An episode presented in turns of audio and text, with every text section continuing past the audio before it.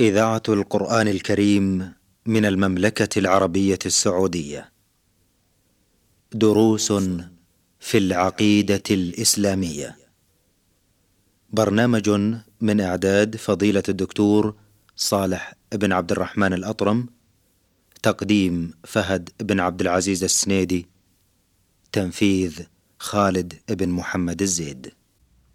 بسم الله الرحمن الرحيم الحمد لله رب العالمين والصلاة والسلام على أشرف الأنبياء والمرسلين نبينا محمد وعلى آله وصحبه أجمعين أيها الإخوة المستمعون الكرام السلام عليكم ورحمة الله تعالى وبركاته أسعد الله جميع أوقاتكم بالخير والمسرات وأهلا ومرحبا بكم إلى هذه الحلقة من برنامجكم دروس في العقيدة الإسلامية في مطلع هذا اللقاء نرحب بفضيلة الشيخ صالح بن عبد الرحمن الأطرم عضو هيئة كبار العلماء. فأهلا ومرحبا بكم شيخ صالح. حياكم الله وبارك الله بالجميع.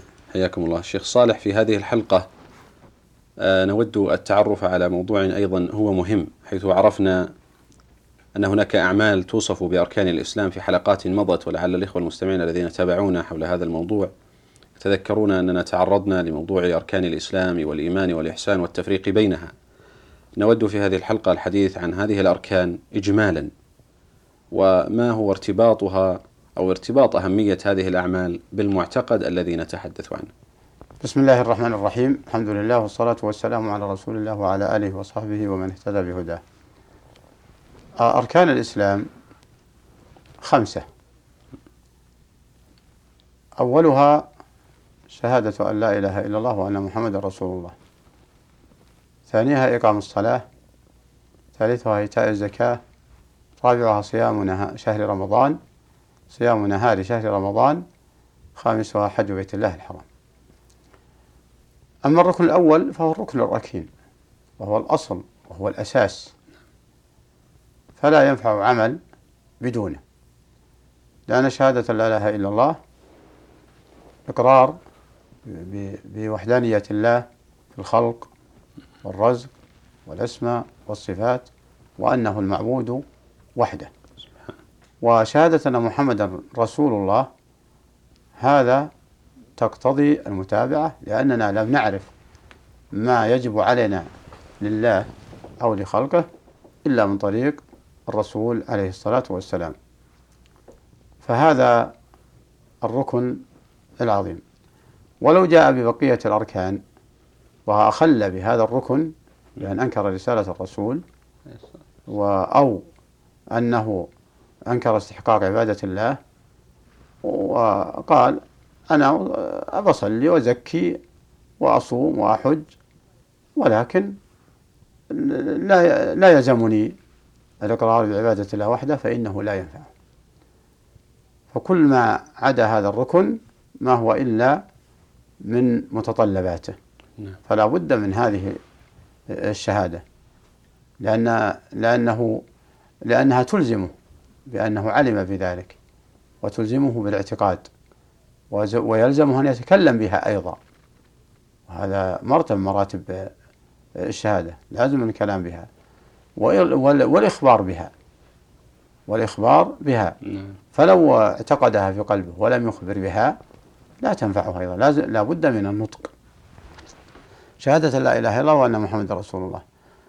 وهذه الشهادة ارتباطها في العقيدة واضح جدا. فلو نطق بها من دون اعتقاد وهو مكذب لما آه، يجب عليه من عبادة الله أو مكذب لشيء من رسالة رسول الله لم تنفعه. هذا ارتباطه بالعقيدة اتضح لنا. ثانيا إقام الصلاة. إقام الصلاة من الأعمال التي هي شعار الطاعة وشعار الانقياد وشعار آه، ال- الاعتراف باستحقاق الله لهذه العبادة العظيمة التي نعم. هي ذل وخضوع في ظاهرها وفي باطنها. نعم. فظاهرها قيام على صفة مخصوصة وركوع وسجود وتسبيح وقراءة قرآن ودعاء الرب جل جلاله وتضرع بين يديه بين يديه. فإذا عرفنا أن أن هذه أعمال وأقوال في الصلاة فارتباطها بالعقيدة من أوجب ما يجب علينا معرفة ارتباطها بالعقيدة. نعم. فإذا نوى أن أداء للصلاة امتثال لأمر الله سبحانه وتعالى. وأداها على وجه المطلوب. متابعة للرسول عليه الصلاة والسلام صحت صلاته.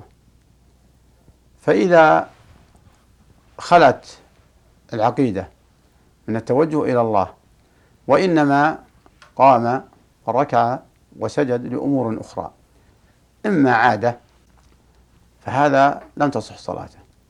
وإما إرضاء لمخلوق فهذا نستجيب بالله إرضا له أو تعظيما له إرضا لمخلوق أو تعظيما له فهذا شرك. أنه صرف ما كان ما صرف ما كان لله لغير الله. فأي أعظم فأي ارتباط أعظم من هذا الارتباط بالعقيدة؟ فالصلاة من أفعال وأقوال مربوطة بالعقيدة. ولهذا لو صلى صلاة في ظاهرها صحيح صلى مع جماعة المسلمين وصلى خلف إمام المسلمين ولكن عقيدته لا غير مخلصة. إنما هو مراءة للناس ولم يبالي بما عند الله فإذا قالوا له رياء رياء رياء واضح لأن آه، نيته هي لأعين الناس فصلاته مردودة عليه ولو ولو فعل ولو توضأ أمام الناس ولو ركع ولو سجد ولو جاء للمسجد ولو أخذ المصحف من قبل من قبل الأذان ولو رفع صوته بالتسبيح إذا انتهوا الناس انتهى الناس من التسبيح كل هذا لا ينفع. أما إذا وفقه الله لإخلاص النية فقام للصلاة يريد وجه الله ملتمسا العمل الصحيح فهذا هو المطلوب. وهي أعظم الأفعال التي طلبت الإنسان بعد أن ينطق بالشهادتين. أعظم هذه الصلاة التي لا تحتاج إلى تعب ولا إلى نصب ولا إلى خسارة مالية. فلهذا من صحت صلاته من صحت صلاته بأن أتى بشروطها وأركانها. ومتطلباتها وفق بإذن الله لسائر الأمور. الله فهي مفتاح كل خير. والركن الثالث الزكاة. الزكاة عبادة مالية. أوجبها الله على الأغنياء لينتفع بها الفقراء. فهي أجر وغنيمة عند الله للأغنياء. ومنفعة للفقراء في هذه الدنيا. فما أعظمه من ترابط شرعه الله بين المسلمين. ثم إن الذي أنفقه الغني من هذه الزكاة وهذا المقدار له ارتباط وثيق بالنية. فإن أخرج زكاته امتثالا لأمر الله كقوله تعالى وأقيموا الصلاة وأقيموا الصلاة وآتوا الزكاة وما أمروا إلا ليعبدوا الله مخلصين له الدين وحنفاء ويقيموا الصلاة ويؤتوا الزكاة. فقال سمعا وطاعة فأخرج زكاة امتثالا لأمر الله فهذا فهذه زكاة المقبولة. وإن أخرج زكاته فاقدا هذه النية وإنما هو تخلص من الحاكم وتخلص من كلام الناس أن فلان ما يزكي. أو أنفقها رياء لأجل أن فلان أعطانا زكاة. فهذا خسر المال في الدنيا ولم ينفعه في الآخرة. ومنعه أيضا معاتبة السلطان ومعاقبته معاقبة الحاكم. ومنع كلام الناس. فالناس ليس لهم إلا الظاهر والظاهر قد وصل إليهم وهي زكاة واجبة عليه. فما بقي فما بقي بينه وبين الله إن صح أثابه الله عليه في الآخرة. وظهرت آثار صحة هذه النية عليه في الدنيا. فلربما يكون إخلاص نيته سبب لسعادته في الدنيا سببا لبركة ماله كما جاء في قوله تعالى خذ من أموالهم صدقة تطهرهم وتزكيهم بها. هذا مع صلاح النية مع صلاح النية. فهذا ارتباط وثيق.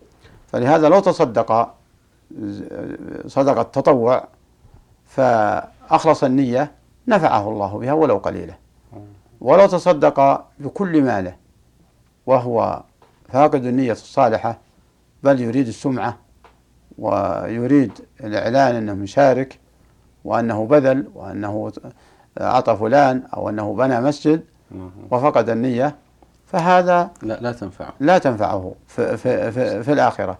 ولربما حتى لا يكون له وقع عند الناس. لأن الله إذا أحب عبدا إذا أحب عبدا جعل له القبول. جعل له القبول في الأرض. نعم. وقال لملائكته وذلك أنه يقول الملائكة إني أحب فلان فأحبوه. فتحبه الملائكة ثم يوضع له القبول في الأرض.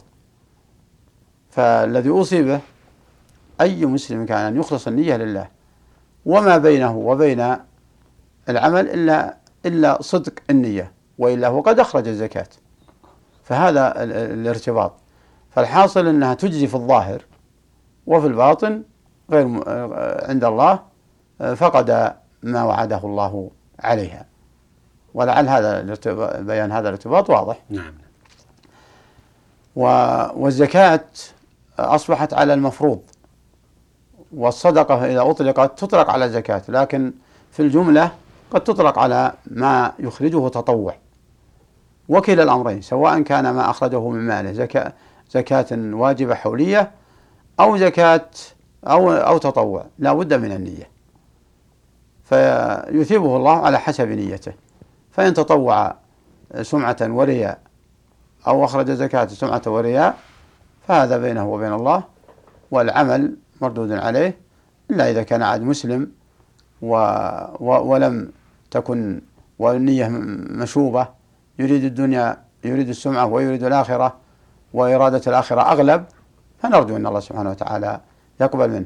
أما إذا كانت إرادة الآخرة أقل وإرادة الدنيا أكثر أو لم أو لم يرد في نفسه إرادة الآخرة ففي هاتين ففي ثلاث ففي الصور الثلاث كون كون الدنيا والآخرة متساويات أو الدنيا أغلب أو أن إرادة الآخرة لم توجد هذا مردود عليها.